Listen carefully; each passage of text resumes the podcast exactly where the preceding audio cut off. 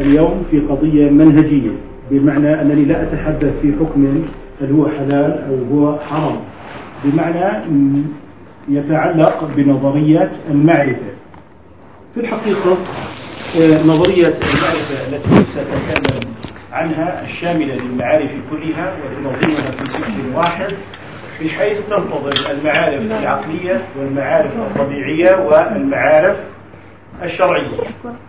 آه، ما هي المشكلة الداعية إلى عقد مثل هذه المحاضرة المنهجية في الحقيقة نحن في هذا الزمن نعيش حالة صراع بين العقل والدين والطبيعة والشريعة. نريد أن نناقش هل هذا الصراع ناشئ من ظروف حقيقية ومن أسباب حقيقية أم هو صراع وهمي؟ ممكن أي إنسان أن يبدع في الطبيعة وعلوم الطبيعة لكنك تجده في عالم السلوك والاعتقاد متحيرا. بمعنى على علو كعبه في الفيزياء إلا أنه يموت وهو لا يعلم هل قوانين الطبيعة حتمية أم هي عشوائية. فتارة يراها حتمية وتارة يراها آه، عشوائية. حقيقة آه، نشأة آه، ثنائية العقل والدين ثنائية الطبيعة والشريعة. ثنائيات القطيعة التي تملأ الدنيا اليوم القطيعة بين الإنسان والطبيعة بمعنى غزو الفضاء وقهر الصحراء. القطيعة بين الرجل والمرأة وثنائيات الصراع.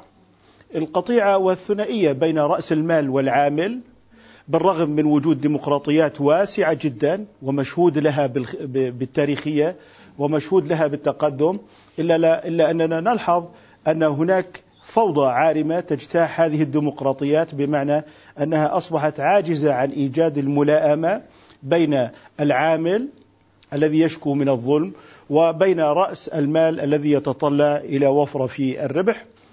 آه، أقيمت هذه الفكرة فكرة اللدين على أساس الصراع أيضا بين العامل وصاحب العمل بين الحاكم والمحكوم. الصراع بين كل شيء موجود في هذه الدنيا العقل والدين فهي قائمة على ثنائيات القطيعة. نحن الآن عندما نريد أن نتكلم عن أي مسألة من المسائل لنفترض أننا نريد أن نتكلم عن مسألة غيبية كيأجوج ومأجوج أو نتحدث عن عذاب النار أو نعيم الجنة أو نريد أن نتحدث عن مسألة في الميراث. فربما يعيينا البحث ونحن نناقش في هل هذا هو العدل أم ليس هو العدل عندما نتناقش في جزئية صغيرة. لكننا نريد أن نخرج من الصراع في الجزئي إلى محاولة رسم منظومة معرفية تقابل منظومة معرفية. بمعنى لن آتي لأناقش الولاية الميراث النفقة إلى آخره من قضايا المساواة وما إلى ذلك. ثم بعد ذلك آه، أجد نفسي تائها في المنظومة الكلية. لذلك نحن نريد في البحث هنا أن نستكشف نظرية المعرفة. ربما لست موجدا لها إنما هي موجودة ومقررة كما ستعلمون بإذن الله سبحانه وتعالى. أساس الإشكال فيما يتعلق به الواقع أن الإنسان ذهب ليبحث عن الخالق سبحانه وتعالى بين قوانين الطبيعة.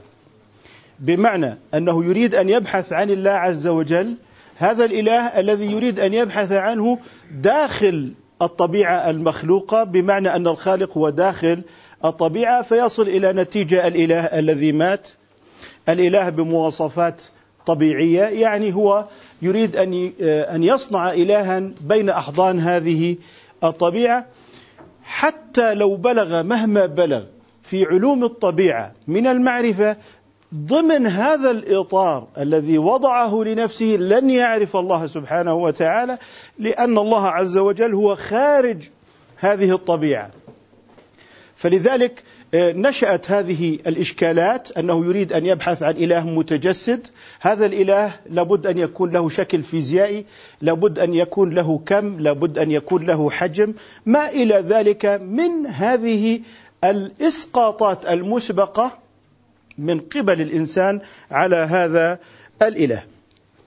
لذلك تعددت الآلهة تعددت الأديان الوضعية الأديان التي يعني أو الدين الذي نزل من السماء طرأ عليه التحريف وإخضاع الله عز وجل إلى يد الله مغلولة غلت أيديهم. إذا محاولة إيجاد إله موافق لطبيعة الفيزياء هذه محاولة مستحيلة وهي كمن يبحث عن الماء البارد في وسط النار. إذا عندما نتكلم عن موضوع الاعتقاد في الله سبحانه وتعالى سنجد أن هذه إشكالية نشأت من سبق تصور خطأ عن الله فبدأ يبحث عن الله عز وجل بهذه الصفة. كذلك المشركون آه، كانوا يطلبون معجزات مادية خرقا للقوانين الطبيعية حتى يصدقوا النبي صلى الله عليه وسلم فقالوا وقالوا لن نؤمن لك حتى تفجر لنا من الأرض ينبوعا. إذا كانت أغلب مطالب المشركين أنهم يريدون خرقا لناموس الطبيعة. إذا تم خرق ناموس الطبيعة وقوانين الطبيعة بشكل اعتيادي هذا يعني أنه سيبطل المعجزة فيما بعد. لذلك الله عز وجل لم يعطهم ما أرادوا من مثل هذه الخوارق لأن هذا الخرق الدائم لناموس الكون سيؤدي في النهاية إلى إبطال المعجزة وأنها تصبح ليست ذات معنى. لذلك الفلاسفة اليوم اللادينيون يطلبون أن يستيقظوا في الصباح فيجدون النجوم وقد اصطفت على شكل رمز أنا الله فهو يطلب مستحيلات أو يطلب معجزات حتى يصدق بوجود الله عز وجل. لكن الله تعالى يريد أن يبين للإنسان أنك حتى لو بحثت بهذه الطريقة فلن تصل إلى الله عز وجل. لذلك قال ولو فتحنا عليهم بابا من السماء فظلوا فيه يعرجون لقالوا إنما سكرت أبصارنا. إذا طلب المعجزة والخارق المادي للوصول إلى الإيمان لن يؤدي إلى الإيمان طالما أن هناك إشكالية وهي أنك تبحث عن الله ضمن قوانين الفيزياء بمعنى هو ينطبق عليه قوانين الطبيعة. لذلك نجد أن المشكلة هي ناشئة في الربط بمعنى أن الإنسان غير قادر على أن يربط الطبيعة فيما وراء الطبيعة. فالإشكال هنا في هذا الرابط وليس في الطبيعة نفسها. بمعنى كيف يربط بين وجود الطبيعة ومن خلق هذه الطبيعة. فطالما أن الإشكال في الرابط حتى لو أنهم قد خرقت لهم القوانين والنواميس فلن يؤمنوا إذا أبدا. إذا نتيجة الإشكال المعرفي في الله سبحانه وتعالى نتيجة إحكام قوانين الطبيعة على رب العباد سبحانه وتعالى ثم بعد ذلك أدى إلى وجود أديان محرفة ثم بعد ذلك أعلن موت الإله نتيجة نمو الإنسان في علوم الطبيعة ذلك الإله الذي صنعوه بأيديهم هو الذي مات ثم بعد إعدام الإله تم إعدام الإنسانية على رفات ذلك الإله المختلق. عندئذ نشأت آه، ثنائية معرفية هي فقط إما العقل وإما الطبيعة. أما الغيب أما السماء فقد أعلنت القطيعة مع السماء. بهذا النموذج الفكري هذا النموذج الفكري انتقل في عدوى عبر المراحل الاستعمارية إلى العالم الإسلامي فأصبحنا نشهد إنكار المعجزات. إنكار الغيبيات إنكار آه، الولاية إنكار الحدود الشرعية إنكار الإجماعات العقدية. بمعنى أصبحنا أمام ثنائية المصدر عقل الإنسان الطبيعة استبعاد الإيمان بالله عز وجل وتحكيم هذين المصدرين على كل الغيبيات والإيمانيات مما أدى إلى إنكارها وإضاعتها في حياة الإنسان وزعم أن الدين متغير ثم بعد ذلك أصبح هناك تأثيرات حتى على بعض المثقفين الإسلاميين أنه يريد أن يغير حتى في العقائد يريد أن يغير حتى في الشرائع حتى في الأحكام الثابتة ليتواءم مع نموذج معرفي مستورد. لذلك آه، أصبحنا الآن أمام إشكالين. إشكال معرفي غربي لا ديني يريد أن يتحكم على الغيبيات في العقيدة الإسلامية فتشهد إنكار عذاب القبر عذاب القبر مثلا أو إنكار الحدود أو إنكار أحكام شرعية ثابتة كالولاية والمواريث. أيضا كان عندنا إشكال داخل الوسط الإسلامي إنه هناك من يقول لك كل مستجد لم يفعله رسول الله. ولم يرد فيه شيء ولم يثبت حتى أصبح يفرض نموذجا متدينا على الواقع يمنع تقدم وسير الواقع إلى الأمام. لذلك صار عندنا ثنائية هدم في الداخل تنكر مثلا ما يتعلق بالمصالح ما يتعلق بتقدمنا في الوسائل إلى آخره من وسائل التقدم أصبح هذا الإنسان ينكر كل جديد.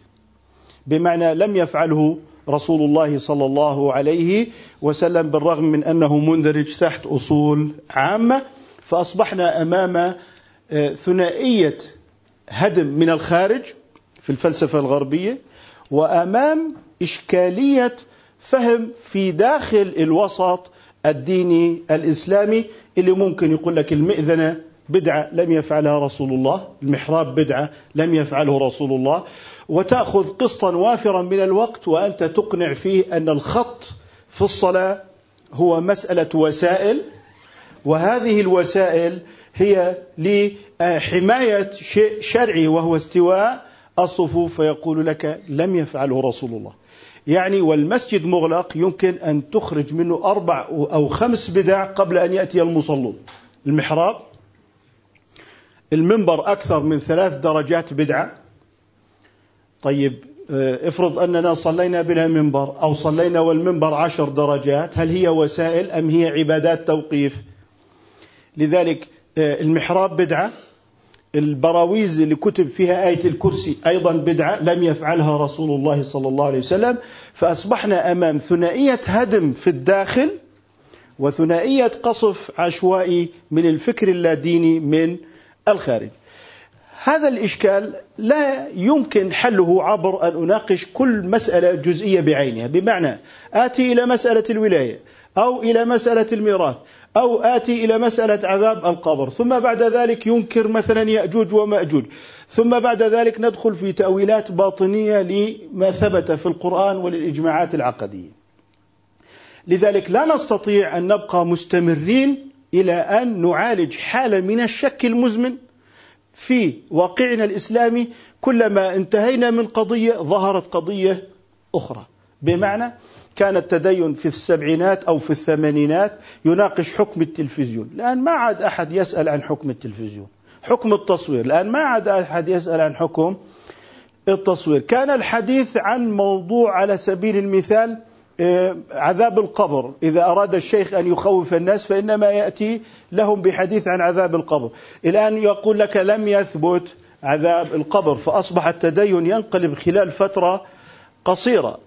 كان على سبيل المثال من علامات التدين أن يذهب إلى البيت ويقوم بتكسير الأشرطة أشرطة الموسيقى.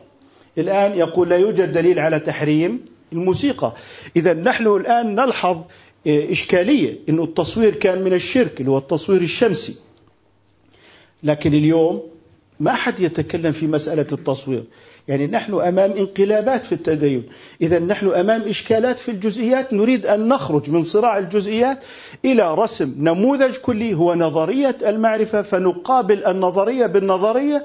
وعندما من يريد أن يتحدث ولو في الميراث نحن نبدأ من النظرية لا نبدأ من الميراث وبالتالي عندئذ نقابل الكلي بالكلي وليس جزئي مقابل جزئي لأننا لو ناقشنا على سبيل المثال الميراث ضمن الجزئي المسألة عقلانيا لا تحل لأنه هي ليست مسألة آلة حاسبة مثلا.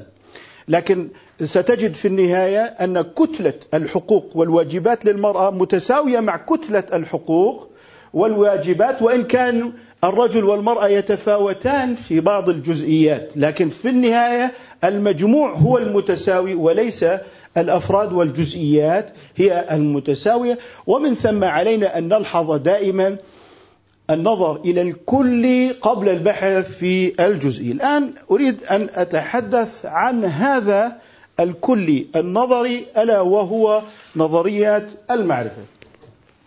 الحقيقة لو أنا سألت بعض الأسئلة لو قلت مثلا عذاب القبر مثلا قلت لا يوجد عذاب قبر ليه؟ لأنه غير معقول أنه إنسان داخل القبر منذ مئات السنين يتعذب طيب وأيضا غير معقول المعراج أن النبي صلى الله عليه وسلم انتقل من المسجد الحرام إلى المسجد الأقصى ثم صعد إلى سدرة, سدرة المنتهى ثم عاد وفراشه دافئ. أين المعقولية في هذا؟ طيب لو قلنا هذا غير معقول وهذاك غير معقول وذاك غير معقول ماذا سيبقى من الدين؟ لن يبقى شيء. لكن السؤال الأول ما معنى حكم عقلي؟ أن تقول هذا حكم عقلي بمعنى أقول هذا غير معقول. طب ما هو المعقول إذا ما هو العقل عندئذ يكون عندنا السؤال الآتي وهو أن نبين ما يلي أنواع الحكم أول نوع اللي هو الحكم الإيه؟ العقلي ما معنى عقلي؟ ما معنى عقلي؟ أقول هذا عقل عقلاني كلمة عقلي ما معناها؟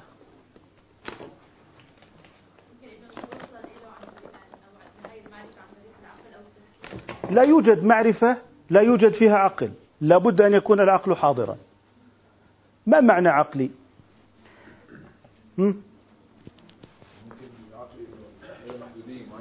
له محدودية.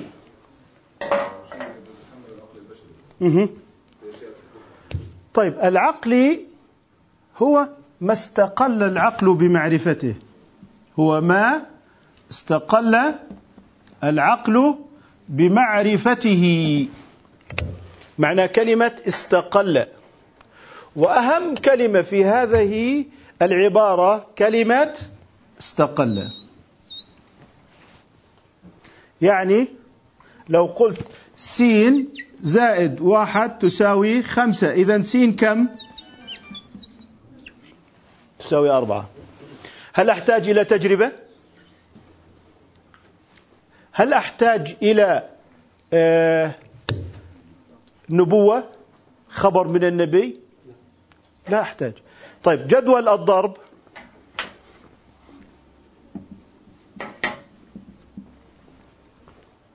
عقلاني مئة في المئة. إذا معنى كلمة استقل أنني لا أحتاج إلى تجربة. لا أحتاج إلى تجربة لمعرفة الحقيقة. فإذا قلت هنا لا أحتاج إلى تجربة لمعرفة الحقيقة فهذا يعني عقلي. لو قلت لك إن فلان نائم في بيته الآن وفي نفس الوقت يبيع ويشتري في السوق هل هذا معقول؟ مستحيل. طيب لو قلت واحد زائد واحد يساوي أربعين أيضا مستحيل. إذا لو قلت لك هذه النقطة بيضاء وهي في نفس الوقت سوداء الآن هل يقبل العقل ذلك؟ لو ذهبنا إلى أي ملة من الملل لن يقبلوا هذا جدول الضرب هل فيه عليه اختلاف بين الملل والأديان؟ لأنه عقلي إذا يستقل العقل بمعرفته إذا ما استقل العقل بمعرفته فهو عقلي وهو لا يحتاج في ذلك لا إلى تجريب ولا يحتاج إلى نبوة. إذا هو مستقل. لذلك لو قلت الضدان لا يجتمعان الضدان لا يجتمعان قاعدة عقلية. لا يمكن الشيء وضده في نفس الوقت. المتناقضان لا يجتمعان أيضا ولا يرتفعان. المتناقضان لا يجتمعان ولا يرتفعان. لكل فعل فاعل. في جسم لا هو ساكن ولا هو متحرك أم لابد إما ساكن وإما متحرك؟ في جسم ليس ساكنا وليس متحركا؟ في جسم في نفس الوقت ساكن ومتحرك؟ مستحيل. هذا عقلي. ليه؟ لأن المتناقضين لا يمكن أن يجتمعا ولا يمكن أن يرتفعا. إذا هذه هي قواعد العقلية ومعنى عقلي أن العقل مستقل لا يحتاج إلى بحث. أما النوع الثاني من الأحكام وهو الحكم العادي. هذا لا تستطيع أن تعرف فيه في العقل بالعقل مستقلا بل لابد من التجريب. مثل الطب الفيزياء الكيمياء. لو قلت لك على كم درجة آه، غليان الماء؟ ستقول لي أحتاج إلى تجربة. ستقول لي أحتاج إلى إيه؟ تجربة. إذا عندما أقول لك هل الحديد يتمدد بالحرارة أم يتقلص فكر وحدك مئة عام. بمجرد تفكير. هل تصل إلى نتيجة؟ لا يمكن أن تصل إلى نتيجة. ماذا تقول؟ أحتاج إلى تجربة. إذا لابد من العودة إلى إيه؟ الطبيعة. لابد من العودة إلى الطبيعة. ولا يمكن أن تصل إلى نتيجة إلا إذا دخلت على المختبر وعملت تجربة.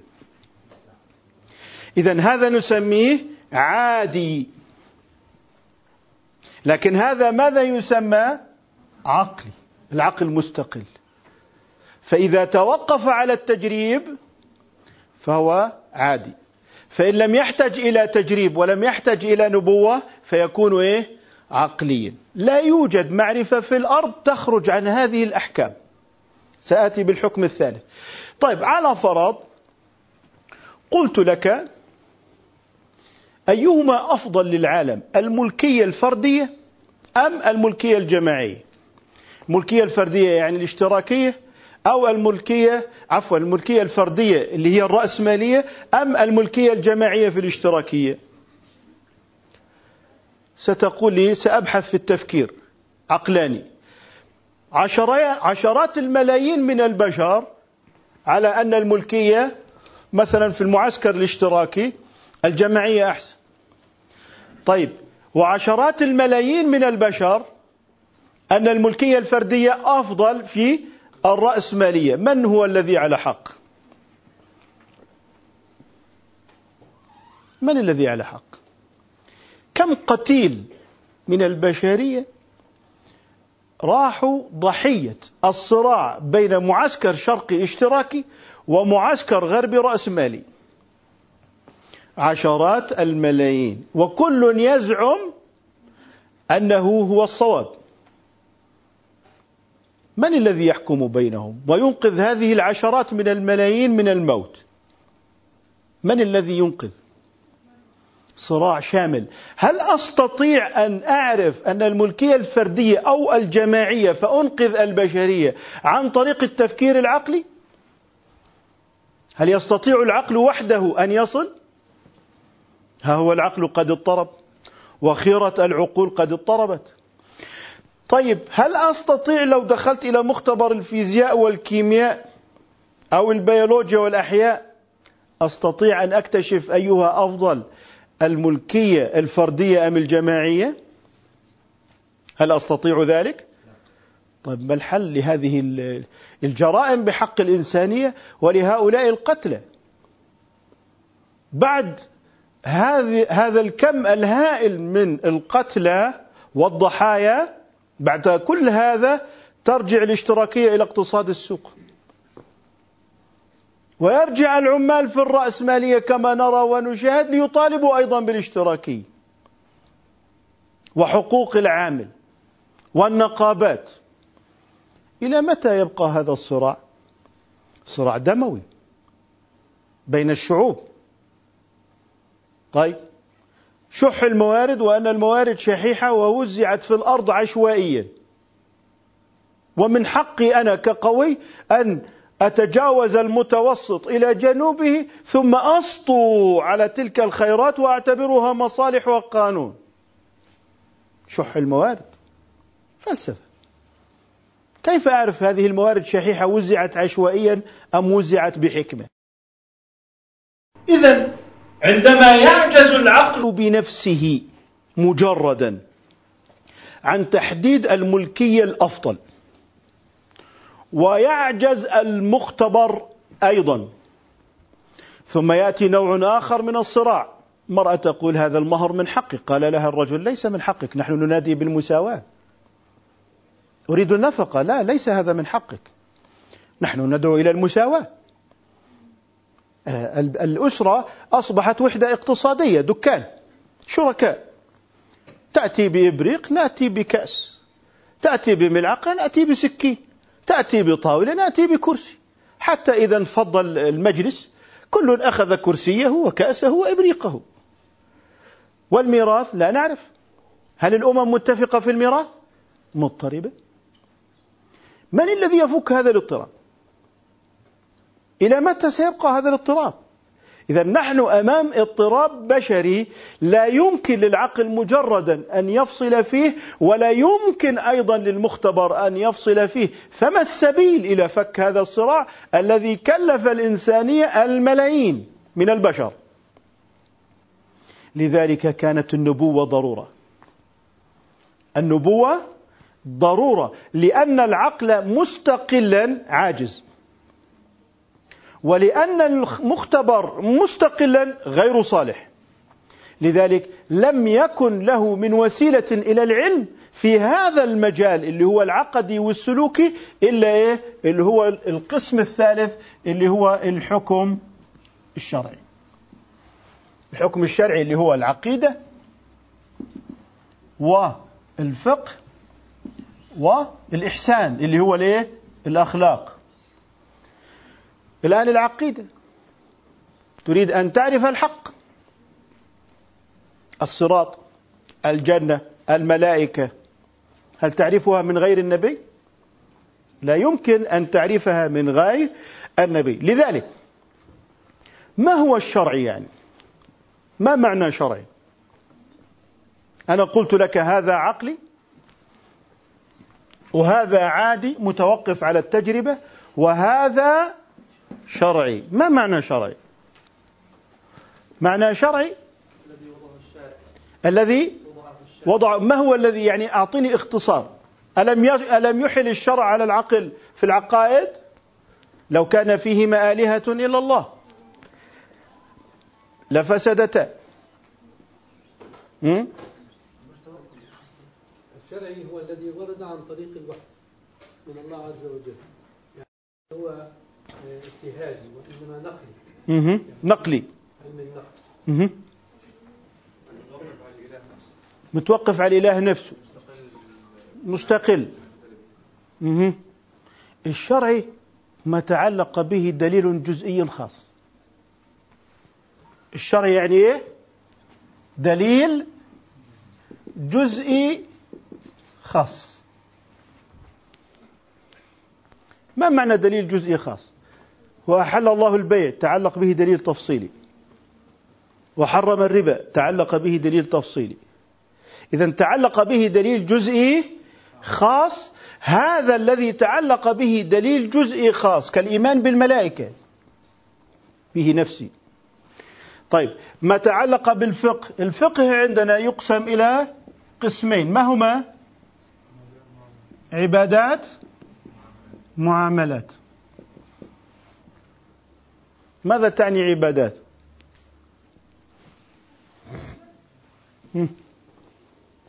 عبادات. علاقة الإنسان بخالقه.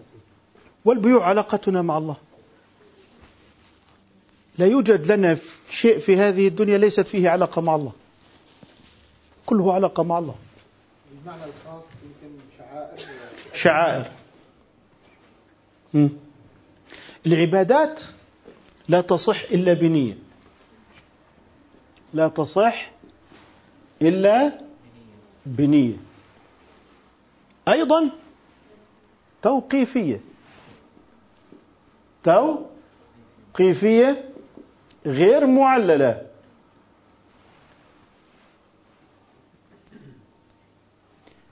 أول ما تبدأ بالطهارة والصلاة والزكاة أول ركن ما هو؟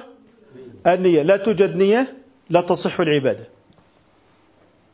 طيب أول ما تبدأ بالزواج والشركات والإجارة ما أول ركن؟ الصيغة الإجابة والقبول. أين النية؟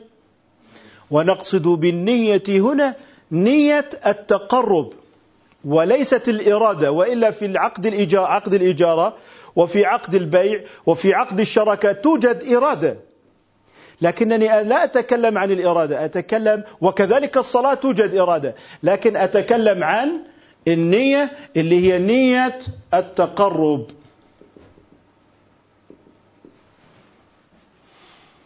هل تصح الصلاة بلا نية التقرب؟ لو كانت رياضة تمرين الظهر على الركوع والسجود تصح؟ الصوم بقصد الحمية يصح؟ لابد من نية تقرب طيب شراء وقود من محطة الوقود. هل يحتاج إلى نية تقرب حتى يصح؟ يصح لا يصح ولو بلا نية تقرب. طيب لو تصورت أنه نية التقرب لابد أن تكون في تعبئة السيارة بنزين. ونسيت النية. وعبأت السيارة بنزين بلا نية. ما حكم الوقود في الخزان؟ باطل. عليك أن تفك التنك ثم بعد ذلك يعني تعيد هذا المال إلى صاحبه. الشريعة لم تشترط نية التقرب في البيوع. أحدهم أراد أن يفتح بقالة لأجل الربح. بيعه صحيح أم باطل؟ صحيح. إذا بالاختصار عبادات لا تصح إلا بنية. أما المعاملات العكس تصح بلا نية. العبادات توقيف سبع أشواط. لا تزيد. سبع حصيات في الرمي أربع ركعات.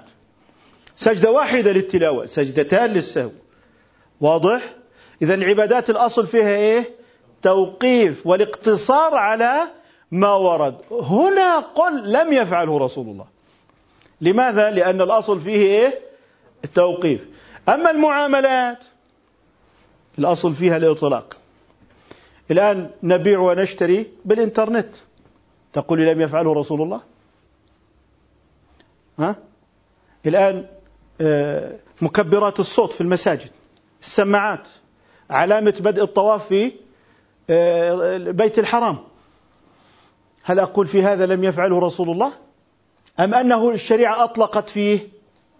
أطلقت. طيب تنظيم الطرق أطلقت فيه الشريعة. إذا عندما لكن في موضوع بيع الغرر والربا أنت مصطدم بدليل جزئي تفصيلي. يعني آية أو حديث خاص بنفسه.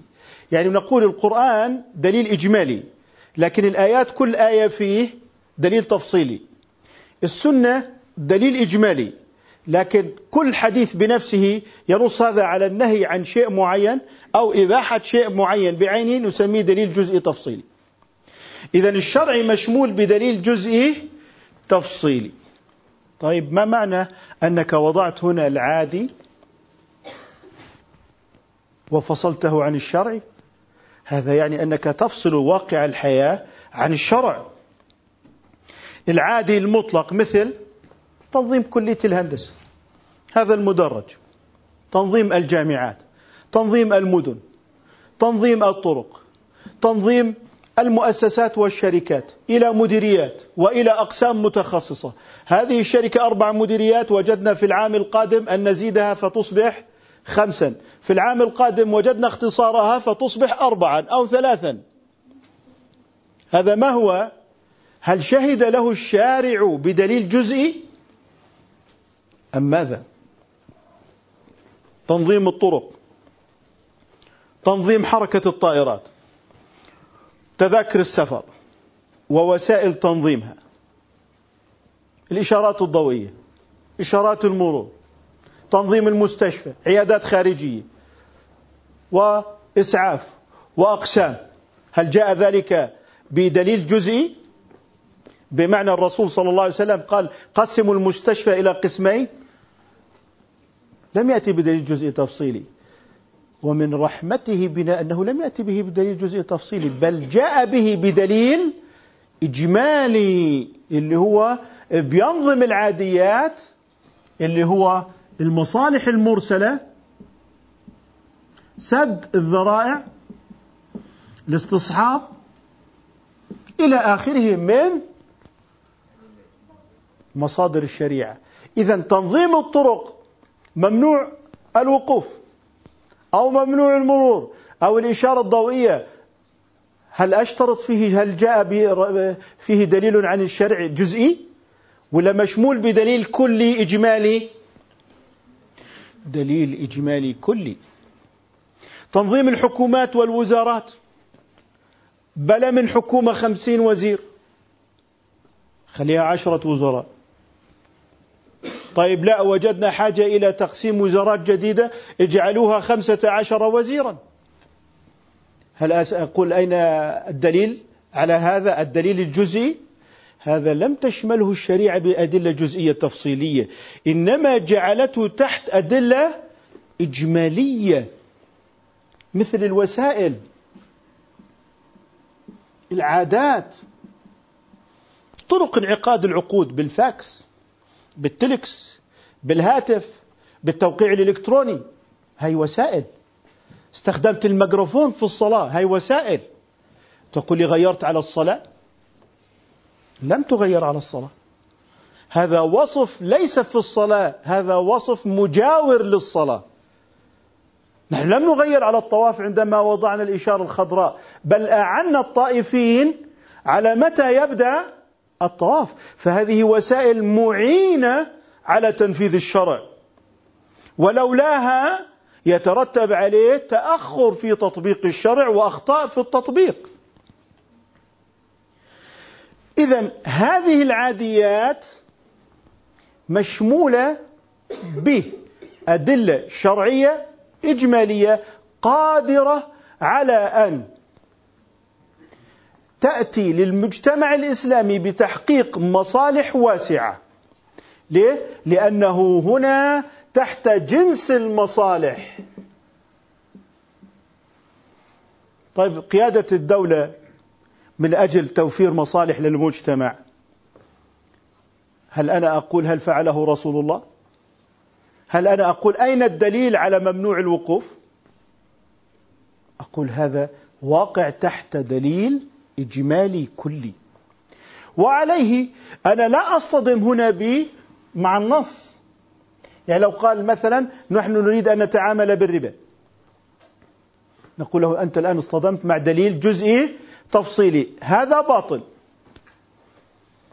قال نريد أن نستبدل حد القطع بالسجن. نقول له أنت الآن اصطدمت مع دليل جزئي تفصيلي.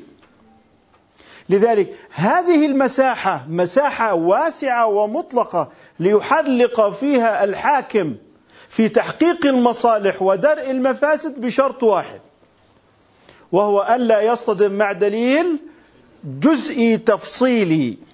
لو جئت إلى اللادينيين سيقولون لك كيف نص نزل؟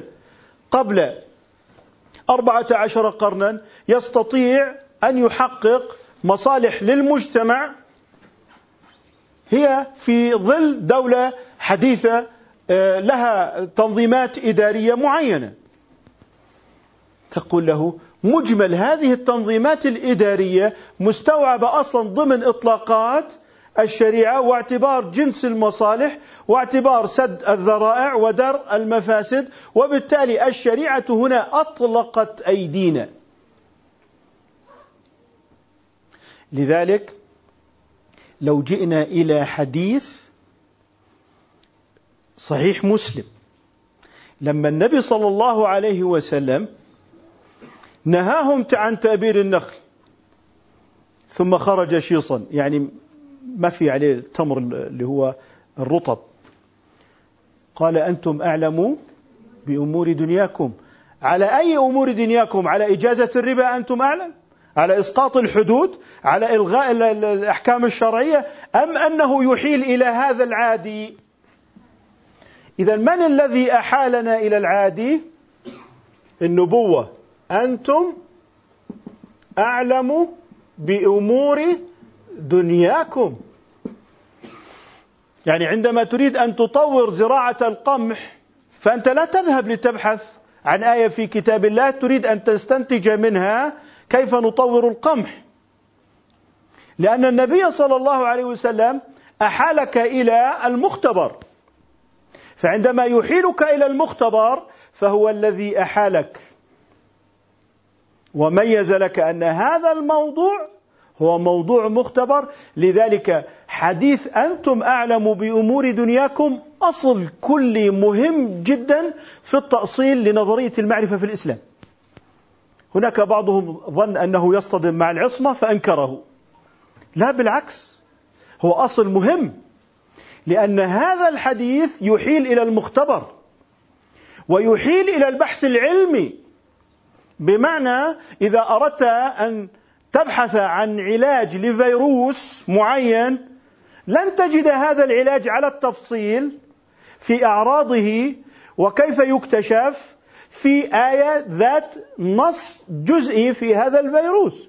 فالشريعة لأنك لن تجده في النص الجزئي أحالتك على البحث المخبري.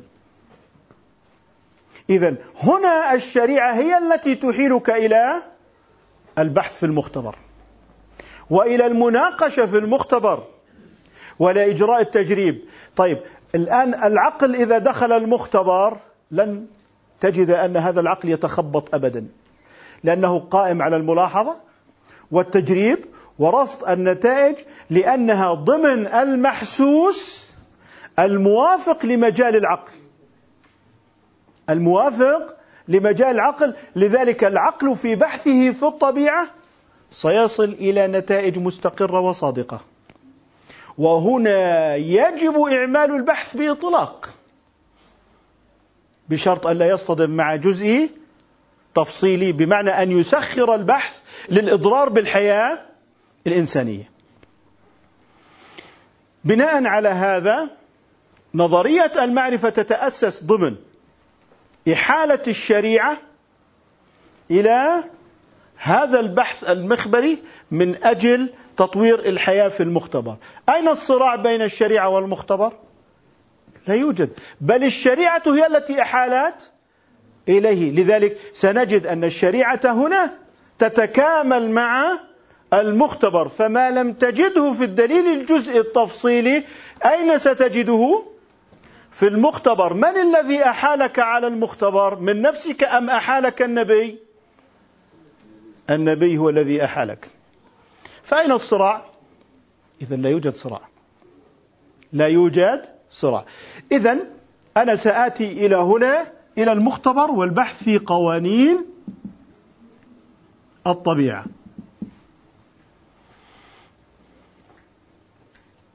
بناء عليه صار عندي المصدر ثلاثي.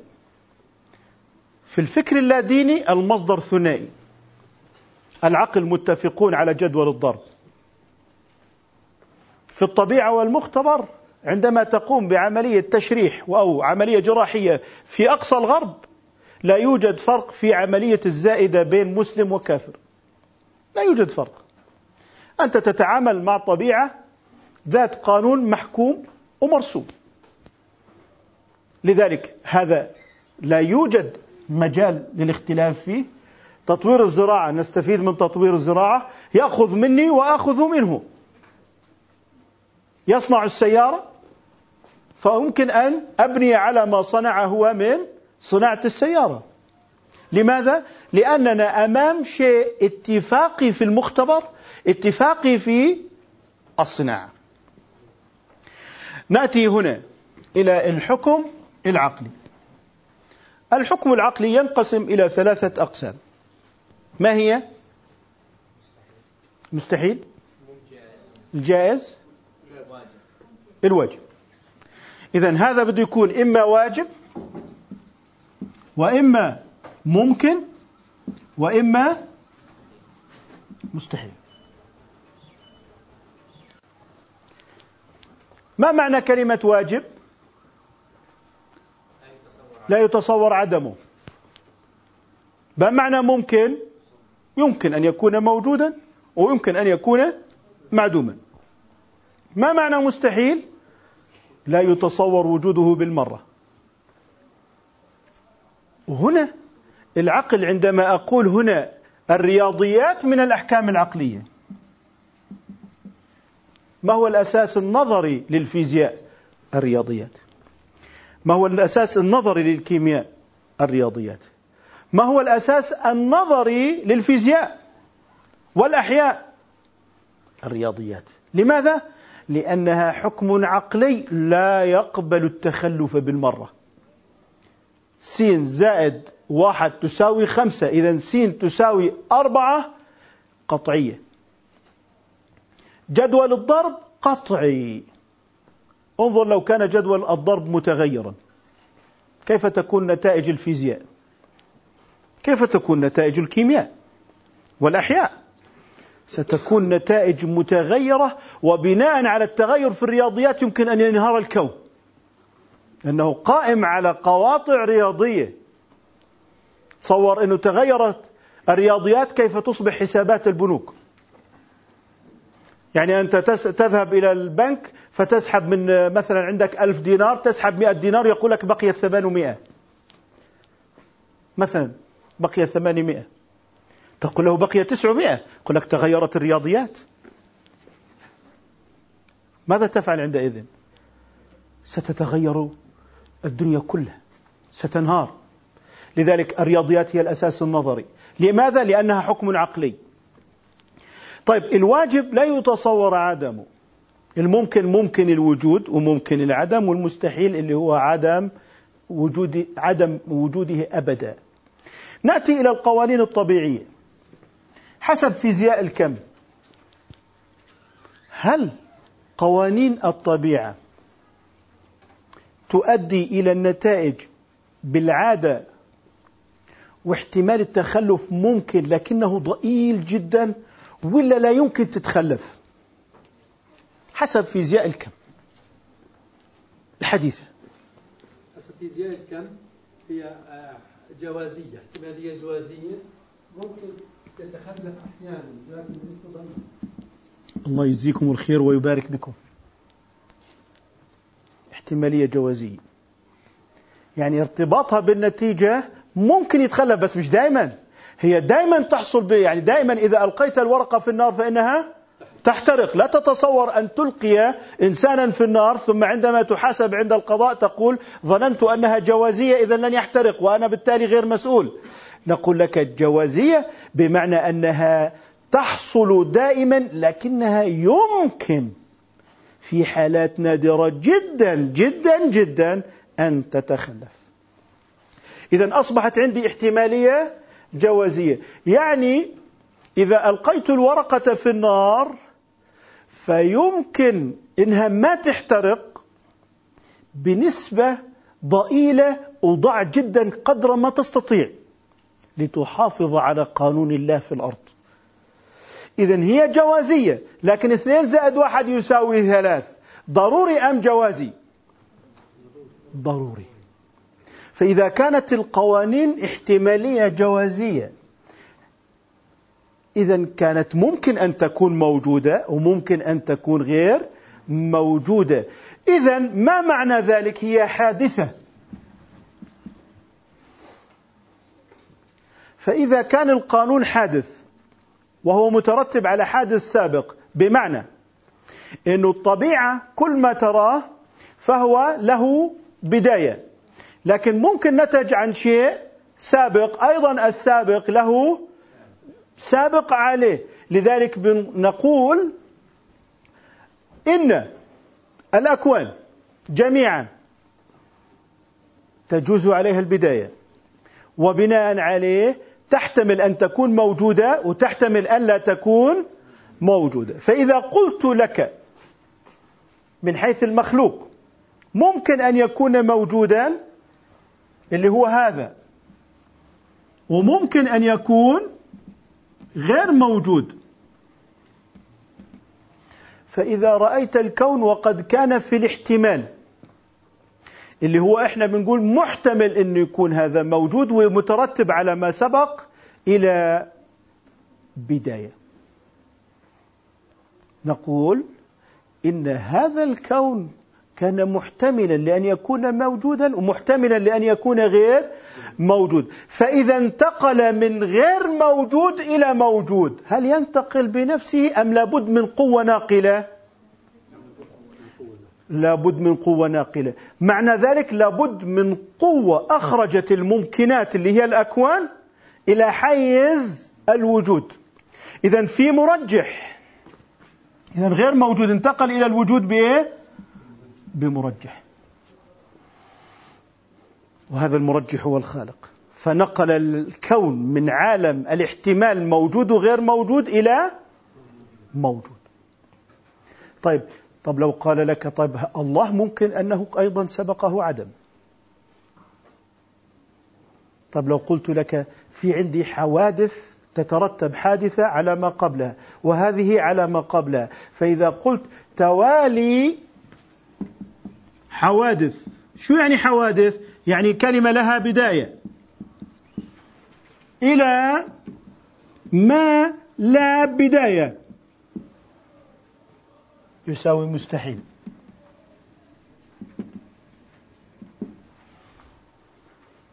توالي حوادث كلها لها بداية. ملايين مليارات البدايات. في النهاية ستكون لها بداية. لأن ما له بداية متوقف على ما له بداية. فهل يمكن للعقل أن يتصور توالي حوادث كلها إلها بداية لكن كلهم ما لهم مش بداية؟ مستحيل. إذا تكون مما لا بداية مما له بداية إذا ستكون هناك بداية. وهذا هو مبدأ الكون. أن له بداية. أن له بداية. من الذي ليست له بداية حتى ينقل الكون إلى ما له بداية هو الله عز وجل. هل تستطيع أن تكتشفه في الطبيعة موجودا فيها؟ مستحيل لابد أن يكون خارجا عنها.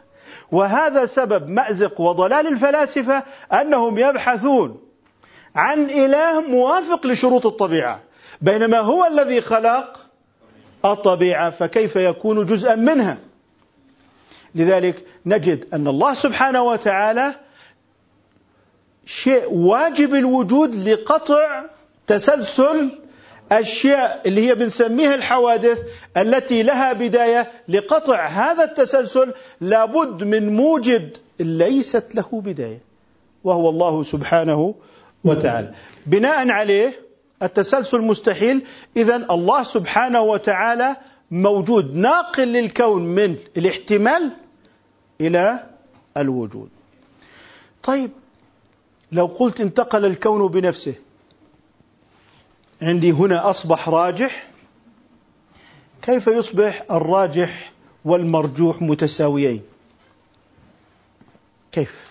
يعني لا بد أن يكون موجودا حتى يوجد نفسه فهو ما كان موجود في الأصل. فلا بد له من موجد. إذا لو قلت إنه لو كما يقول ابن عاشر لو حدثت بنفسها الأكوان لاجتمع التساوي والرجحان. مستحيل الكون أن يوجد نفسه لأنه أصلا هو ممكن. وبالتالي الممكن لا يستطيع أن يمنح غيره لأنه هو نفسه مفتقر. لذلك نحن نبدأ في إيماننا بالله عز وجل من أن الكون مفتقر. كله مفتقر. والله هو الغني إذا بما أن هذا الارتباط بين ما اللي هي حوادث لا بداية لها وأن القوانين احتمالية. إذا إذا كانت القوانين احتمالية بمعنى لا يو... ليست هي التي النار تخلق الاحتراق. نقول إن النار لا تخلق الاحتراق. لأنها في قانون جوازي احتمالي ولو كانت ضرورية ممكن أقول لك ذلك لكنها جوازية احتمالية. لذلك لا يمكن أن تكون النار هي المحرقة. لكن هل يعني أن الورقة تحترق بلا نار؟ نقول الارتباط بين السبب اللي هو النار ونتيجة الاحتراق ارتباط عادي. بمعنى يحدث الاحتراق عند مماسة الورقة النار لكن النار لا لا تخلق الاحتراق. وعليه نحن نثبت القانون الطبيعي. ونقول إن الورقة لا تحترق بلا نار بل لابد أن تحترق حتى لابد أن يكون هناك نار. فأثبتنا القانون. لكن من الذي خلق الاحتراق؟ هو الله سبحانه وتعالى. هذه الزاوية مهمة جدا في نظرية المعرفة. لماذا؟ لأنها تثبت القانون الطبيعي على أنه جوازي احتمالي وهي أيضا تثبت الخلق المستمر لله عز وجل في الكون وأن هذا الخلق دائم. بمعنى نقول الزواج سبب لإنجاب الولد.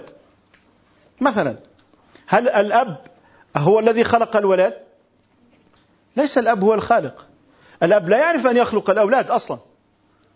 كيف يكون هو الخالق؟ وبالتالي نحن نقول إن الارتباط بين السبب والنتيجة في الطبيعيات ارتباط جوازي احتمالي على ما تشهد به الفيزياء. لذلك نقول إن القانون موجود ويعمل لكنه لا يعمل بنفسه لأن هناك من يعمله. ونحن نؤمن بالقانون في الطبيعة لكننا لا ننفي لا ننفي أن الخلق المباشر هو لله سبحانه وتعالى. لا كما يعتقد بعض الفلاسفة أن الله خلق هذا الكون ضمن قوانين وبعد ذلك هذه القوانين يعني كما لو كان العالم يسير على الطيار الآلي. لا. هناك خلق مباشر وتدبير للأمر كل لحظة. بناء عليه أن النتيجة خلق من الله وأنها تحدث بقانون لكن الله لا يخلق بالقوانين لا يحتاج إليها بل هو خالق بفعال لما يريد يخلق كما يشاء. إذا العلاقة موجودة في القانون ونحن نثبت القانون لكنه ليس حتميا. وفي نفس الوقت إذا تخلف لا نقول عشوائي بل نقول الارتباط عادي فنثبت نثبت القانون ونثبت الخلق الإلهي. هذا هو صلب البحث الإسلامي في مختبر الفيزياء والكيمياء والطبيعة. بمعنى أنني وأنا مقبل على رصد نتائج المختبر لا أعتقد أن المادة خلقت النتيجة. بل إن الخالق هو الله سبحانه وتعالى. ولكن أنا لا أنكر القانون بل أقول إن الارتباط ارتباط عادي لا ضروري. لأنني لو قلت ضروري سيترتب عليه أن النتيجة هي من فعل المادة وليست خلقا لله سبحانه وتعالى. وأنا مستند في هذا إلى نفس الفيزياء وهو أن قوانين الطبيعة جوازية احتمالية. بناء عليه إذا سآتي إلى إلى أنه القانون مضطرد إلا في هذه الزاوية فإنه احتمالي جوازي طيب لاحظوا قول النبي صلى الله عليه وسلم فر من المجذوم فرارك من الأسد وقال لا عدوى ولا طيرة ما معنى هذا؟ لما قال فر من المجذوم إنما يتعامل مع قانون الطبيعة. لكن لما قال لا عدوى ولا طيرة يتعامل على أن النتيجة خلق من خلق الله.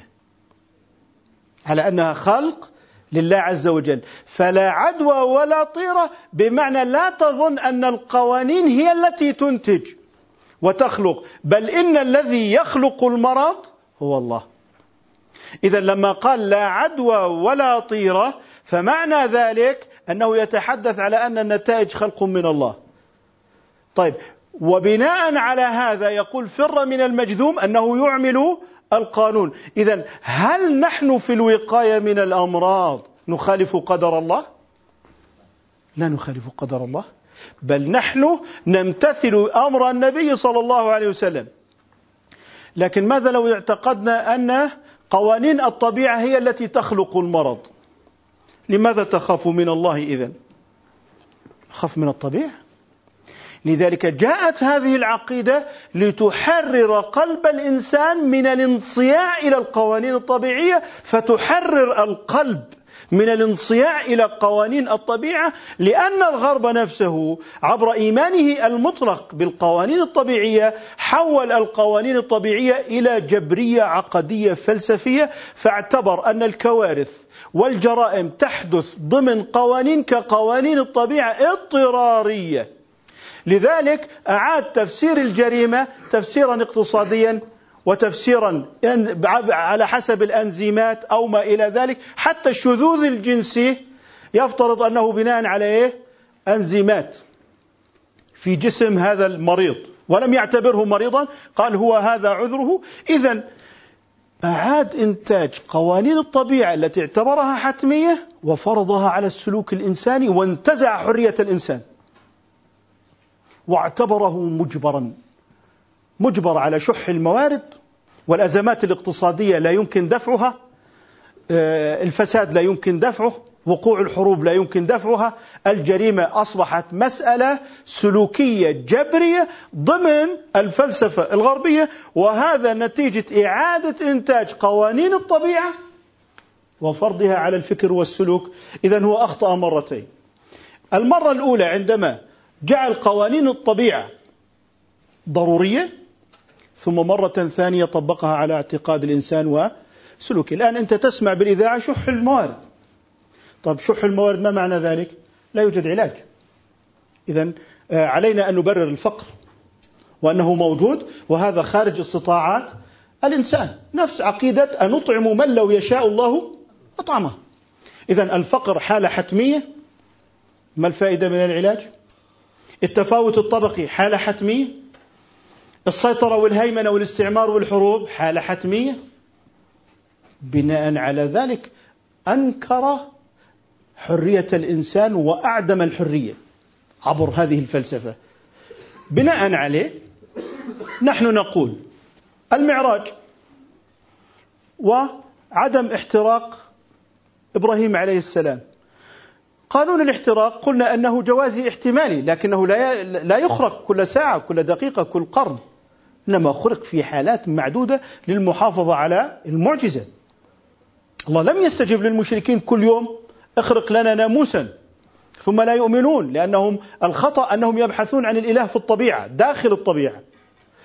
طيب إذا معجزة عدم احتراق إبراهيم عدم احتراق إبراهيم عليه السلام. جاءت من هنا فوافقت جانب من الجواز والاحتمال في الطبيعة. لم تكن ضد الطبيعة بل هي جزء أنها معقولة من حيث إن هذا القانون يمكن أن يتخلف. اذا فوافقت العلوم الطبيعية بمعنى أن قوانينها جوازية احتمالية. طيب أن يحترق أو أو أن لا يحترق؟ هل العقل قادر على أن يتصور أن إبراهيم سيحترق وجوبا؟ ولا ممكن يقول لك إذا ألقيته يمكن أن يحترق ويمكن أن لا يحترق. فالعقل المجرد لو وجه إليه السؤال ما رأى نارا قط؟ ولا رأى ورقة قط؟ فقلت له هذه الورقة تلقى في نار وهذه النار تحرق. ما فرصة الاحتراق؟ لك يمكن أن تحترق ويمكن ألا تحترق الورق.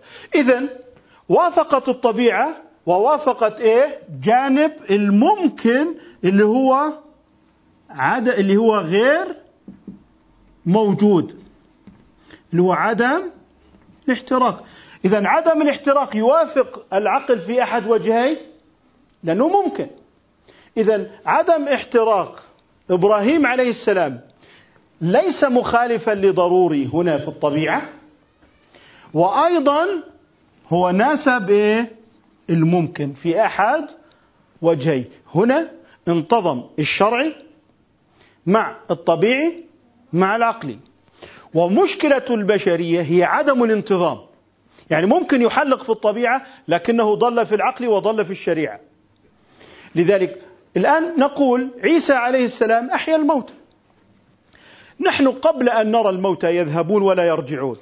مع احتمال العودة يمكن أن يعود ويمكن أن لا يعود. لكن لما أخذنا من الطبيعة أن هؤلاء الموتى لا يعودون حكمنا بعدم عودات الموتى بناء على ما رأيناه في الطبيعة. الطبيعي ممكن ضروري ولا جوازي؟ جوازي. إذا معجزة عيسى عليه السلام في إحياء الموتى وافقت الجوازي الطبيعي ووافقت الممكن العقلي إذا أصبحت الشريعة لا تخالف ضرورة الطبيعة ولم تأتي بما ليس بمعقول. طيب ماذا يقول هؤلاء؟ إنما يتكلمون بميول نفسية. ميول نفسية. هل يمكن أن أعرف الميراث ضمن المختبر؟ لا يمكن. هل يمكن أن أعرفه بالاحتمالات العقلية؟ لا يمكن إذا لا يمكن إلا من جهة مين؟ اللي هو الشارع في الدليل الجزئي. من يعترض على الميراث؟ إنما يعترض بميول نفسية. طب هناك حالات أعطينا المرأة أكثر من الرجل. يقول لك لا لا تعطيها أكثر من الرجل. إذا أنت تتصرف مع الأسرة من منطلق فلسفي رأس مالي مادي منفعي. وأنت تتكلم بميول شخصية. ممكن أن تتبدل فيما بعد. ممكن أن تتغير. وعليه أنت لا تتكلم بالعقول إنما تتكلم بالميول. فعلي أن أميز أن ما تتكلم به هو الميل الشخصي وليس العقل. هذا العقل لا يختلف فيه اثنان سواء كانا كافرين أم مسلمين. أبدا. لكل فعل فعل إذا بناء على ذلك الوقاية من الأمراض واجب شرعي. والاعتقاد بأن المرض ليس خلقا من مخلوقات المادة بل هو خلق لله وأن الله خالق كل شيء أيضا فريضة شرعية. وآتت على لسان رسول الله صلى الله عليه وسلم فر من المجذوم فرارك من الأسد وأيضا لا عدوى ولا طيرة. ما الذي يفسر توافق هذين الحديثين؟ نفهمهما من الطبيعة اللي هي إيه؟ أن قوانينها جوازية ولا تنفي خلق الله تعالى. كيف أمر الآن على قوله تعالى؟ فلم تقتلوهم ولكن الله قتلهم وعلى قوله تعالى وما رميت إذ رميت ولكن الله رمى. نفس الشيء قوانين الطبيعة في الرمي وفي العلاج وفي الشفاء. أنت لك فعل ولكن الخالق للنتيجة هو الله عز وجل. بناء عليه تحرير قلب الإنسان تحريرا حقيقيا. أنك لست عبدا لقوانين الطبيعة بل أنت عبد لمن يخلق نتائج هذه القوانين بل إن هذه القوانين أيضا مخلوقة من مخلوقات الله لأن وجودها له بداية ولا يمكن أن تتسلسل حوادث كل واحدة لها بداية أن تتسلسل جميعا إلى ما لا بداية. وهذا ينفيه العقل وهو إيه؟ التسلسل مستحيل. وهو توالي حوادث معنى حوادث لها بداية إلى ما لا بداية ابدا. لذلك هذا معنى القيوم. الحافظ. اذا الطبيعة تدلك على أن تتعلم من هذا الكتاب العزيز ومن سنة النبي صلى الله عليه وسلم الكثير من هذه آه، الأمور الشرعية. الآن ما يتعلق بالحجاب؟ هل هو عادي ولا عبادة ولا معاملات ولا عقلي؟ عبادة يعني لا يصح إلا بنية. يعني إذا المرأة لبست الحجاب بلا نية عليها أن تنزعه وتلبسه مرة أخرى. وإذا سنة سنتين تلبس الحجاب بلا نية مراعاة للمجتمع مكرهة باب العادات فعليها أن تقضي سنتين بدلا منهما بالحجاب. هكذا لا يصح إلا إيه؟ بنية. طيب. بناء على هذا المخطط الذي أمامنا نحن نريد في هذا المخطط أن نقف على بوابة نظرية المعرفة. لن ندخل اليوم في هذه البوابة بل سنقف على عتبة هذه النظرية.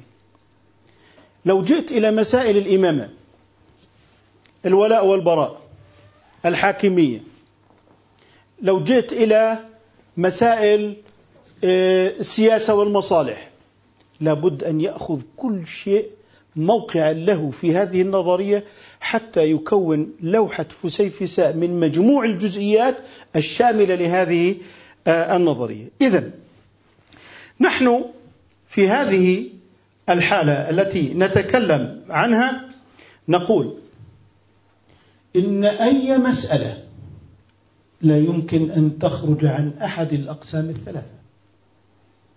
ولذلك من أراد أن يتكلم في مسألة عليه أن يضعها حيث هي.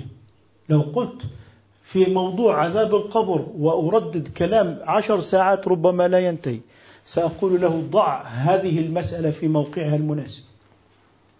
هل أحكم على عالم الغيب قوانين الطبيعة؟ طيب فإذا كانت قوانين الطبيعة لا تحكم على الغيبيات. فلماذا تريد أن تستكشف يأجوج ومأجوج؟ بطرق تجريبية تريد أن تستكشف يأجوج ومأجوج بالطائرات بطائرات الاستطلاع وبالأشعة المختلفة وأنت تبحث عن يأجوج ومأجوج. أليسوا غيبا؟ طيب لماذا تضع كاميرا داخل القبر لتعلم أن هذا يعذب أو لا يعذب؟ ما دام أن الغيب أصلا لا يخضع لقوانين الطبيعة. فبدلا من أن تبحث تذهب إلى القبر لماذا لا تصور جسدك صورة طبقية لتكتشف أن الشيطان يجري من ابن آدم مجرى الدم؟ آه. إذا أنا مشكلتي مع إقحام الفلسفة الغربية المادية الدنيوية التي لا تؤمن إلا بالثنائي ولا تؤمن بهذه بهذا الثالث أقحمته على عالم الغيبيات وهذا من باب الإكراهات الثقافية. أنت تريد أن تتدخل في المواريث ليس بعقل. ولا بعلم تجريبي إنما تريد أن تفرض علي فلسفتك. عندما تفسر السلوك الإنساني على أساس الجنس والاقتصاد وتنفي تأثير الأخلاق والقيم في السلوك والغيبيات في السلوك لأنك تريد أن تنكر الدين إذا أنت تتحكم في السلوك الإنساني على وفق فلسفة مادية دنيوية وتريد أن تجبرني أنا كمسلم أن ألتزم هذا التفسير المادي الدنيوي للعلاقة بين الرجل والمرأة وأنها علاقة تجارية واقتصادية كما لو كانت دكانا والشركاء متقاتلون على تقاسم رأس مال الشركة فنخلص إلى أنها بالتساوي. بناء على ما سبق سنأتي إلى أننا عندما نحاور أي محاورة في أي فكر غربي أو شرقي لا نقع في مزلق المناقشة في الجزء لأن المناقشة في الجزء لن تنتهي وسيبقى الباب مواربا للصراع والخلاف. علينا أن نأتي بنظرية المعرفة كاملة ونشرح نظرية المعرفة فإذا كان غيبيا فليس من شأن المختبر. وليس من شأن العقل لأن العقل بنفسه لا يصل إلى الغيب. العقل لو فكر مئة عام لا يصل إلى الصراط ولا يصل إلى عذاب القبر بناء على ذلك.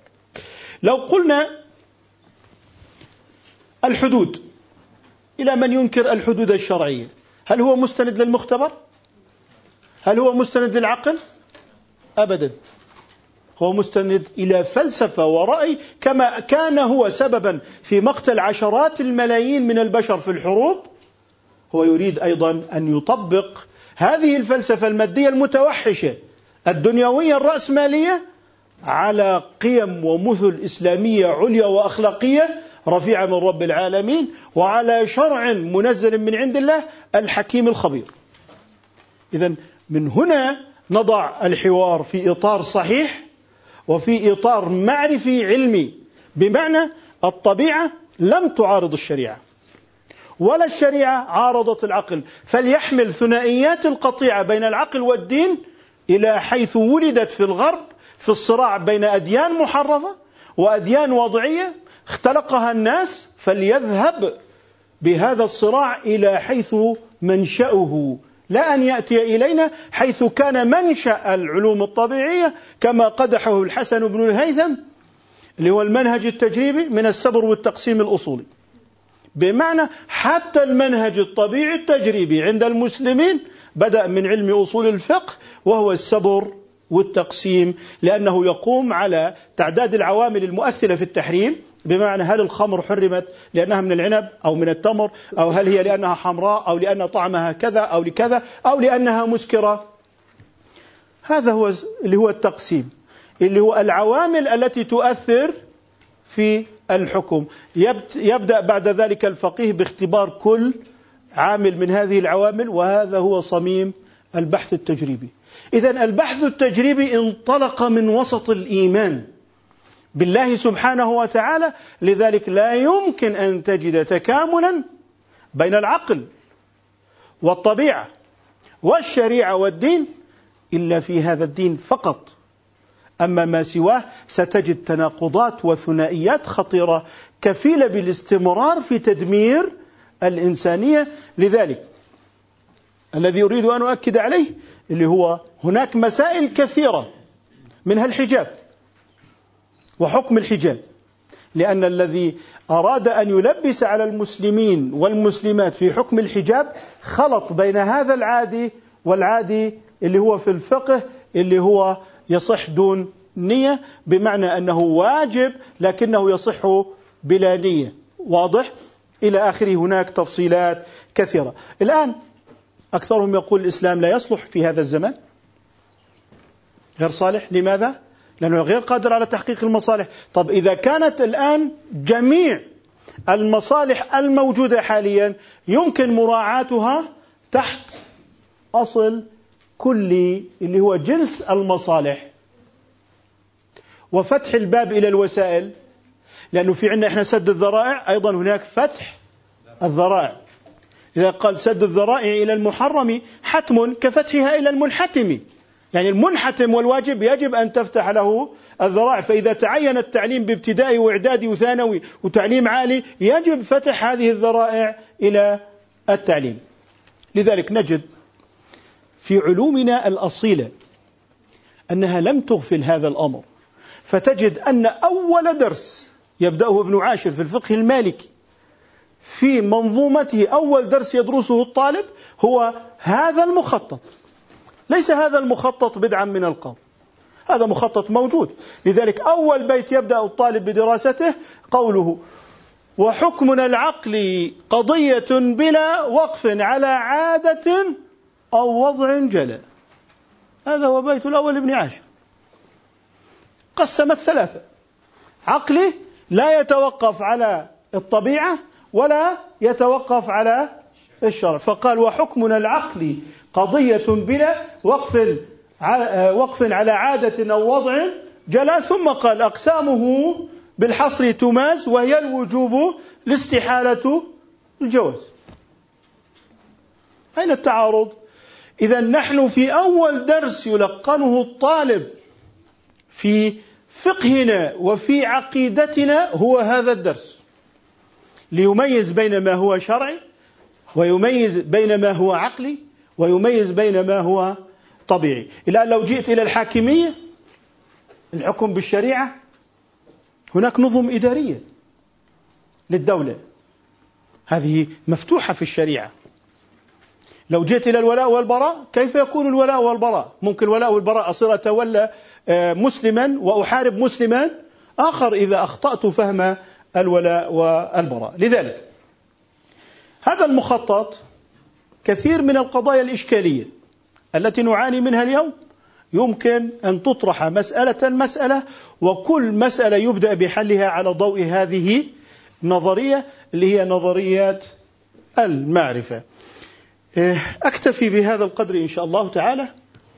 وإن كان هناك وقت للأسئلة فممكن إيه، طيب تفضلي. بدي سؤال لو سمحت وشكرا جزيلا على المحاضرة يعني كانت ثرية من الذي يحدد أن هذه معارف ضرورية أو هذه معارف آه، يعني عادية أو أو احتمالية وجوازية؟ فلو كان العقد مجردا فعلا فهل يمكننا أن نعرف بدون تجريب ونحكم على هذه المعارف أنها هي ضرورية؟ أم لا؟ و... وعندي سؤال آخر أيضا. هل جميع المعاملات التي تقع تحت الحكم الشرعي مختلفة عن طبيعة المعاملات التي تقع تحت الحكم الطبيعي؟ أم أم أن طبيعتهم لا تختلف لكن فقط الحكم الذي أتى فيهم يختلف. هذا أتى فيه نص دليل دليل جزئي واضح وهذا لم يأتي به دليل طيب. بالنسبة لمن يحكم على العقل الضروري هو البديهة. فإن لم يكن ضروريا يعني مثل واحد زائد واحد بديهة يساوي اثنين. هل هناك من اختلاف؟ البديهة دليل بنفسها صح؟ لأنها مسلمة. ولما نتكلم في أي مجال بحثي يبدأ الطالب من مسلمات ذلك العلم. إذا المسلم ضروري لا يحتاج إلى دليل. طيب الآن هل كل أنواع الضروري على رتبة واحدة لا في ضروري اللي هو وفي نظري. يعني في عقلي ضروري زي واحد زائد س يساوي ستة إذا س تساوي خمسة. هذا بالبديهة. لكن لو قلت ربع عشر الأربعين بدأتم تفكرون. لكن في النهاية النتيجة هي الجواب واحد. سنخرج من القاعة ونحن متفقون على أن الجواب واحد. لكنه حصل بعد تأمل مثل المسائل الرياضية الطويلة. النتيجة قاطعة لكن حصلنا عليها بعد نظر. إذا إذا كان عقلي بدهي فبيكون ضروري. إذا احتاج إلى تأمل لكننا سنتفق حتما على النتيجة وأنها قطعية عندئذ سيكون نظري. النار والاحتراق هذا من العاديات والطبيعيات. هذا كله جوازي احتمالي. ما حد قال إنه الرابط بين الفلاسفه القدماء بين الاحتراق والنار ضروري. هذا فقط كلام الفلاسفة. لكن العلم الطبيعي الحالي بتطور الإنسان ومعرفته الدقيقة هو قال إن قوانين الطبيعة جوازية احتمالية، لا يعني أنها ستخرق كل ساعة، لا هي مضطردة ونحن نطلع على اضطرادها ولولا اضطرادها لهلكت الدنيا، لذلك الله لم يجب المشركين الذين يبحثون عن معجزات بشكل دوري ودائم كما لو كانت طلبات يعني دلال، لا لذلك حتى لا تخرق المعجزة. الذي يحدد هذا المجال الطبيعي هم أهل الاختصاص ونحن من ورائهم فهم يتكلمون بأنها جوازي احتمالي بناء عليه يثبت الخلق لله عز وجل وكذلك أن هذا القانون لا يعمل بنفسه إنما هو موجود بإيجاد الله تعالى له فكيف يكون هو خالقا والله ليس بخالق؟ سؤالين. أول سؤال هل ممكن نتائج المختبر تتعارض مع الدليل الشرعي؟ السؤال الثاني لما حكيت عن الله وهيك يعني هل الله هو ذات أو كائن محدد؟ إحنا ممكن نعرفه يعني. طيب. لما نقول الله إيش يعني؟ آه الله سبحانه وتعالى وصف لنا ذاته. قال ليس كمثله شيء. وهو السميع البصير. فلا تبحث في ذاته لأنه لا يخضع لقوانين الطبيعة ودماغنا مصمم لقانون الطبيعة لكنه وجود شيء ذات حقيقة وليس مطلقا ذهنيا. واضح؟ هذا الأمر يحتاج إلى مزيد من دروس العقيدة يحتاج إلى مزيد من الدروس الشرعية حتى يثبت الإيمان. انتهى ولا؟ بس السؤال الأول هل ممكن نتيجة المختبر تستخدم مع الدليل الشرعي آه أي نظرية التطور وهيك نظرية التطور هي فلسفة وليست نظرية. بمعنى أصحابها لم يثبتوها في المختبر إنما هم انطلقوا من رؤى معينة فبنوا فلسفة بناء على ملاحظات لكنها لم ترقى إلى النظرية بل على العكس التصريحات العلمية تقول إن هذا الإنسان آه، هو كما كان عليه عبر التاريخ الماضي ولم يكن متغيرا وهذا بعد دراسه اللي هو إيه؟ الجينات ودراسة الكروموسومات إنه الإنسان لا يمكن أن ينتقل إلى جنس آخر وهنا الطبيعة وافقت الشريعة وأن الله عز وجل خلق آدم بيديه خلقا مباشرا لم يكن متطورا عن جنس سابق. جزاك الله خير. دكتور عندي سؤالين وتوضيح. السؤال الأول إحنا آه، في العقلي الممكن افترض انه غير موجود وعن طريق مرجح صار موجود. طيب في آه، جزء أو اشخاص مثلا يفترضوا انه موجود أصلا إنه إيه؟ إنه موجود. حتى انه غير موجود وهناك مرجح. هو احتمالي جوازي ممكن هو موجود الآن. الكون احتمالي الكون الآن قطعا موجود. لكنه من حيث الاحتمال العقلي يحتمل الوجود والعدم. لكن ما الذي الآن يشهد له بالوجود؟ الحس. والحس دليل. إذا نحن نقول انتقاله من الإمكان وجودا وعدما إلى أن يصبح راجحا لابد أن يكون هناك مرجح ولا يمكن أن ينتقل بذاته وإلا ضربنا الرياضيات أصبح الراجح يساوي الممكن. هذا معنى قول ابن عاشر لو حدثت بنفسها الأكوان لاجتمع التساوي والرجحان وذا محال. السؤال الثاني آه، هل نستطيع أن ننقل شخص مثلا من يعتبر القوانين العادية ضرورية إلى جوازية احتمالية؟ هو العلم يشهد بأنها جوازية والعقل يشهد بأنها جوازية يعني نحن نقول علماء الطبيعة في فيزياء الكم يشهدون بذلك لكن علماءنا قبل فيزياء الكم أثبتوا أنها جوازية كأبي حامد الغزالي أثبتها بضرورات ليس من باب الفلسفة إنما أثبتها بضرورات أنها جوازية. وهناك يعني كتاب قيم الكون بين السببية والنظام يعني جيد في هذا الباب. تفضل يا أخي. الله لا يخضع للطبيعة التي خلقها كيف يخضع للعقل الذي خلق؟ العقل ليس هو الذي يخضع الله. العقل هو ملكة software كيف الكمبيوتر فيه software موجود منذ الخلق. ليدل الإنسان على الخالق. فهو لا يخضع العقل الخالق لمقاييسه بل هو الذي يعني مثل الكمبيوتر أنت بتعبي بيانات الكمبيوتر بعطيك نتائج صحيحة بس الكمبيوتر لا يخضع لبياناتك إنما هو مشغل يستطيع أن يشغل وبالتالي ستجد أن العقل ضمن القوانين التي أوجدناها أنه لم يتعارض مع الله بل هو دال عليه. وبالتالي قال لك لا يمكن أن يكون الخالق للطبيعة جزءا منها مستحيل. لأنه لو كان كذلك لكان في صفاتها. ولكان ممكنا أيضا. بمعنى أنه ممكن الوجود ممكن. فلا يمكن بناء على هذا انه يكون الإله موجود داخل الطبيعة. وبالتالي العقل ينفي وجود الإله داخل الطبيعة وبناء عليه يقول لك لا تخضع الإله إلى قوانين الطبيعة لأنه لو كان كذلك لكان جزءا منها فكيف يكون خالقا لا لذلك نفي الحلول أو الاتحاد عقلي ونقلي لذلك جاء النقل أيضا موافقا للعقل. نستطيع أن نقول إن العقل في هذه الجبلة الإنسانية هو المهبط كمهبط الطائرة. الذي سيتنزل عليه الوحي. ولولا قواطع العقول لم يجد الوحي له مكانا. لذلك الوحي يتنزل على هذا المهبط والإلحاد يقوم بتحطيم هذا المهبط. يعني الإلحاد لا يشوه المعرفة فقط الإلحاد يحطم القواعد التي تقام عليها المعرفة. وهذه هي المشكلة أيضا مع الإلحاد أن الإسلام اليوم يجب أن يسترد قواعد العقل الإنساني في مكافحة الميول اللاديني الإلحادي من أجل تثبيت الوحي في حياة الإنسانية هل ممكن أن ننتقل المعاملات الدينية نتقرب بها إلى الله عبادة؟ طبعا. البيع والشراء بقصد طاعة الله يصبح عبادة. يعني أنا لو سددت دين صديقي الغائب وجعلتها له مفاجأة يصح السداد ولا ما يصح؟ طب لو أخرجت زكاة ماله في غيبته دون توكيل؟ لا تصح. لماذا؟ إذا لاحظوا أن الفارق في الصحة. أما من حيث الأجر فالأجر في العبادة ويمكن أن يكون أيضا في المعاملة. ولي... نعم تفضل يا سيدي. شكرا دكتور على المحاضرة.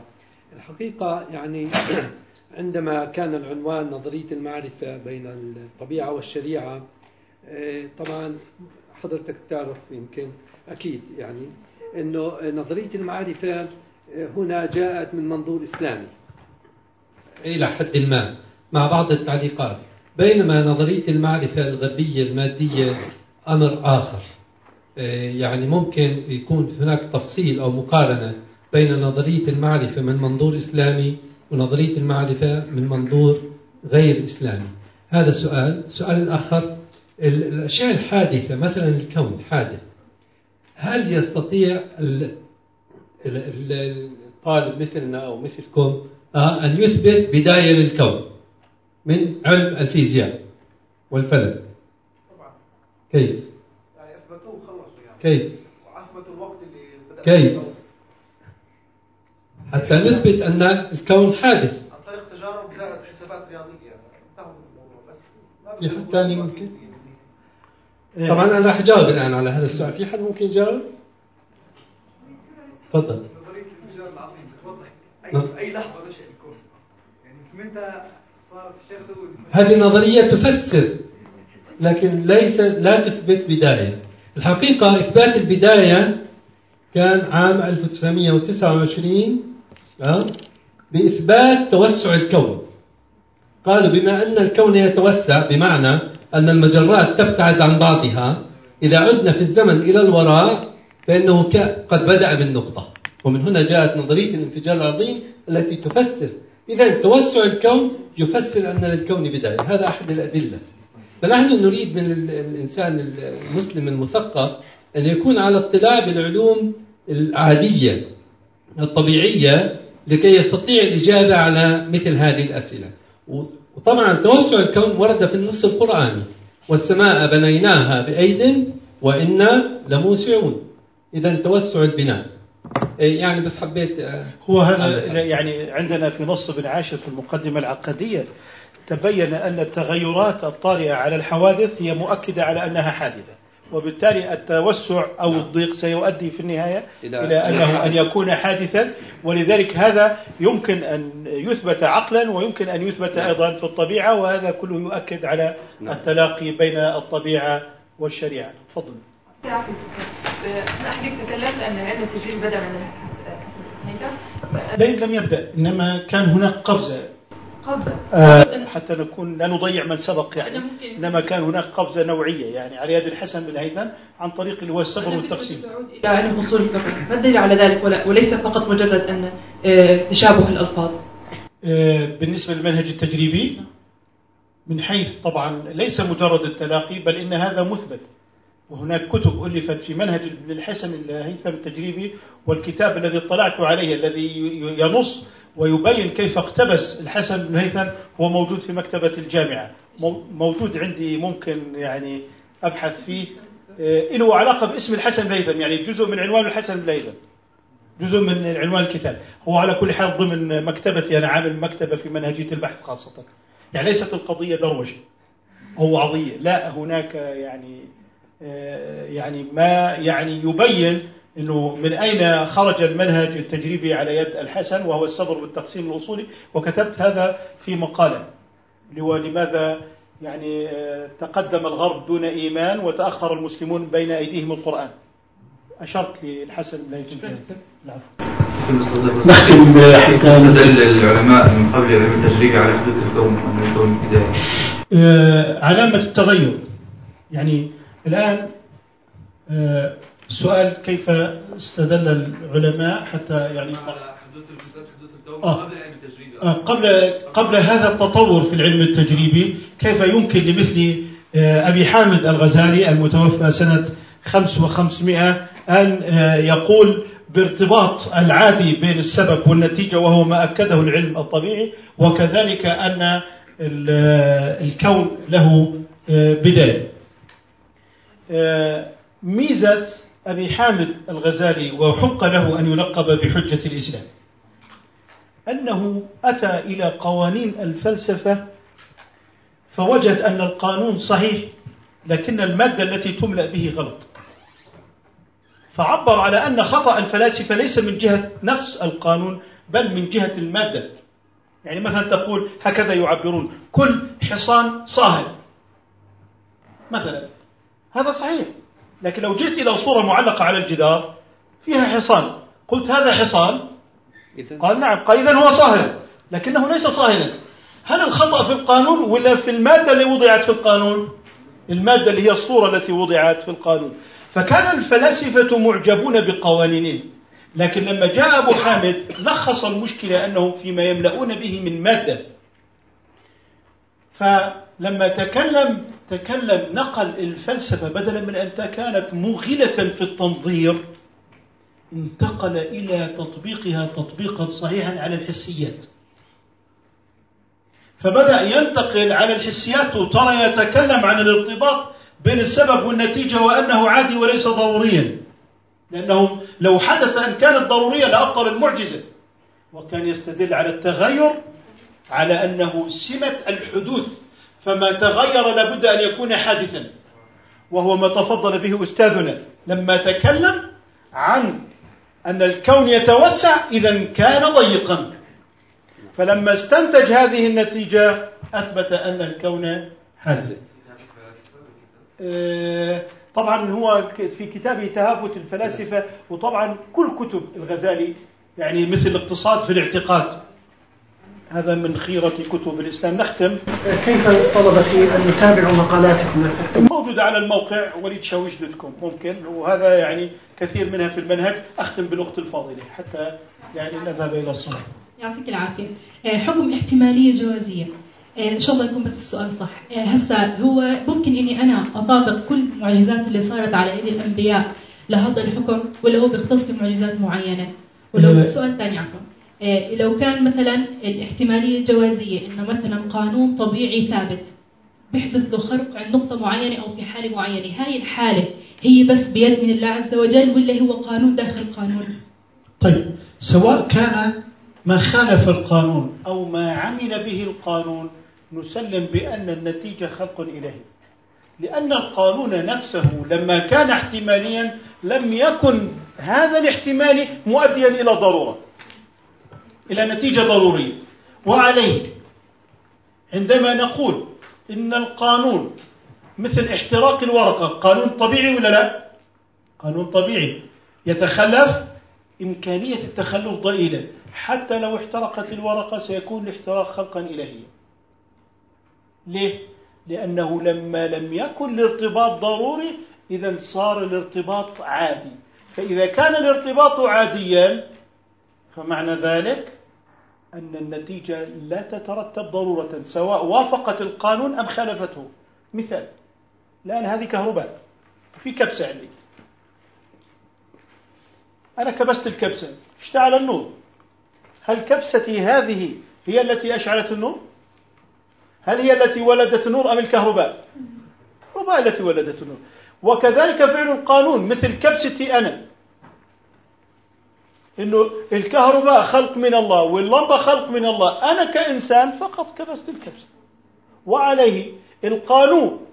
ونتيجة القانون خلق الهي وهذا يعني تحرير حقيقي لقلب الإنسان من المادة. لأنه إذا استولت المادة على قلب الإنسان سيعيد إنتاج هذا القانون الطبيعي على السلوك كما فعل الغرب وبعد ذلك يصبح السلوك الإنساني ناتج عن قهر الطبيعة. بمعنى الشذوذ الجنسي نتيجة أنزيمات. طيب الجريمة لأن رأسه بشكل كذا وجبهته واسعة ولأنه إذا تم تفسير السلوك الإنساني بناء على قوانين طبيعية. إذا أنا أمام حرية أم جبرية؟ جبرية. أمام جبرية. لذلك العالم الغربي لا يعرف الحرية. هو جبري بامتياز. ويمارس القهر الجبري الطبيعي حتى في الاقتصاد حتى في علم النفس يعني الآن تفسير أي سلوك يريد أن يخضعه لماذا؟ الاقتصاد والجنس. ونحن تأثرنا بذلك عندما تحدث جريمة عندنا في لندن رجل قتل زوجته وأولاده. ماذا يتبادر لكم التفسير؟ البطالة. والإذاعات تصدع بالبطالة. هذا مجرم. لذلك نحن الآن لأننا أهملنا نظريتنا أصبحنا نفسر السلوك الإسلامي على أساس إيه؟ التفسير الغربي. يعني الآن النماذج التي في كليات التربية والاقتصاد هي نماذج معادية للتدين. بمعنى هذا الإنسان لماذا صار عنده مشكلة نفسية؟ لأنه لا يزني. عنده كبت. إذا أصبحت الفلسفة الغربية تتحكم في علاج تربوي. الفلسفة الغربية الآن تتحكم على النص. التفكيكية تتحكم على دلالة النص. إيه، تتحكم على الاقتصاد شح الموارد. أكم مرة نسمع شح الموارد؟ تملأ الدنيا. الفقر أصبح جبري وقهري. إذا أنتم هذه حالة لا تسألوا فيها لأنه هذا شح موارد. بناء على أنه شح موارد إذا أسكتوا. بناء على هذا التفسير الغربي هو تفسير إجباري جبري قهري للسلوك الإنساني ومعنى ذلك نزع الحرية والاختيار.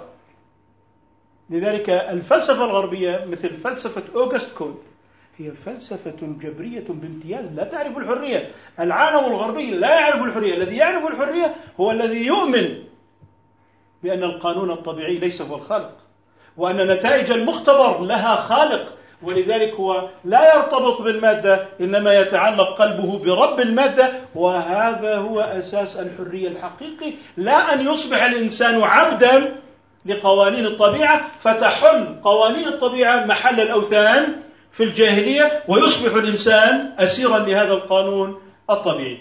آه، نكتفي بهذا القدر إن شاء الله تعالى. سبحانك اللهم وبحمدك أشهد أن لا إله إلا أنت نستغفرك ونتوب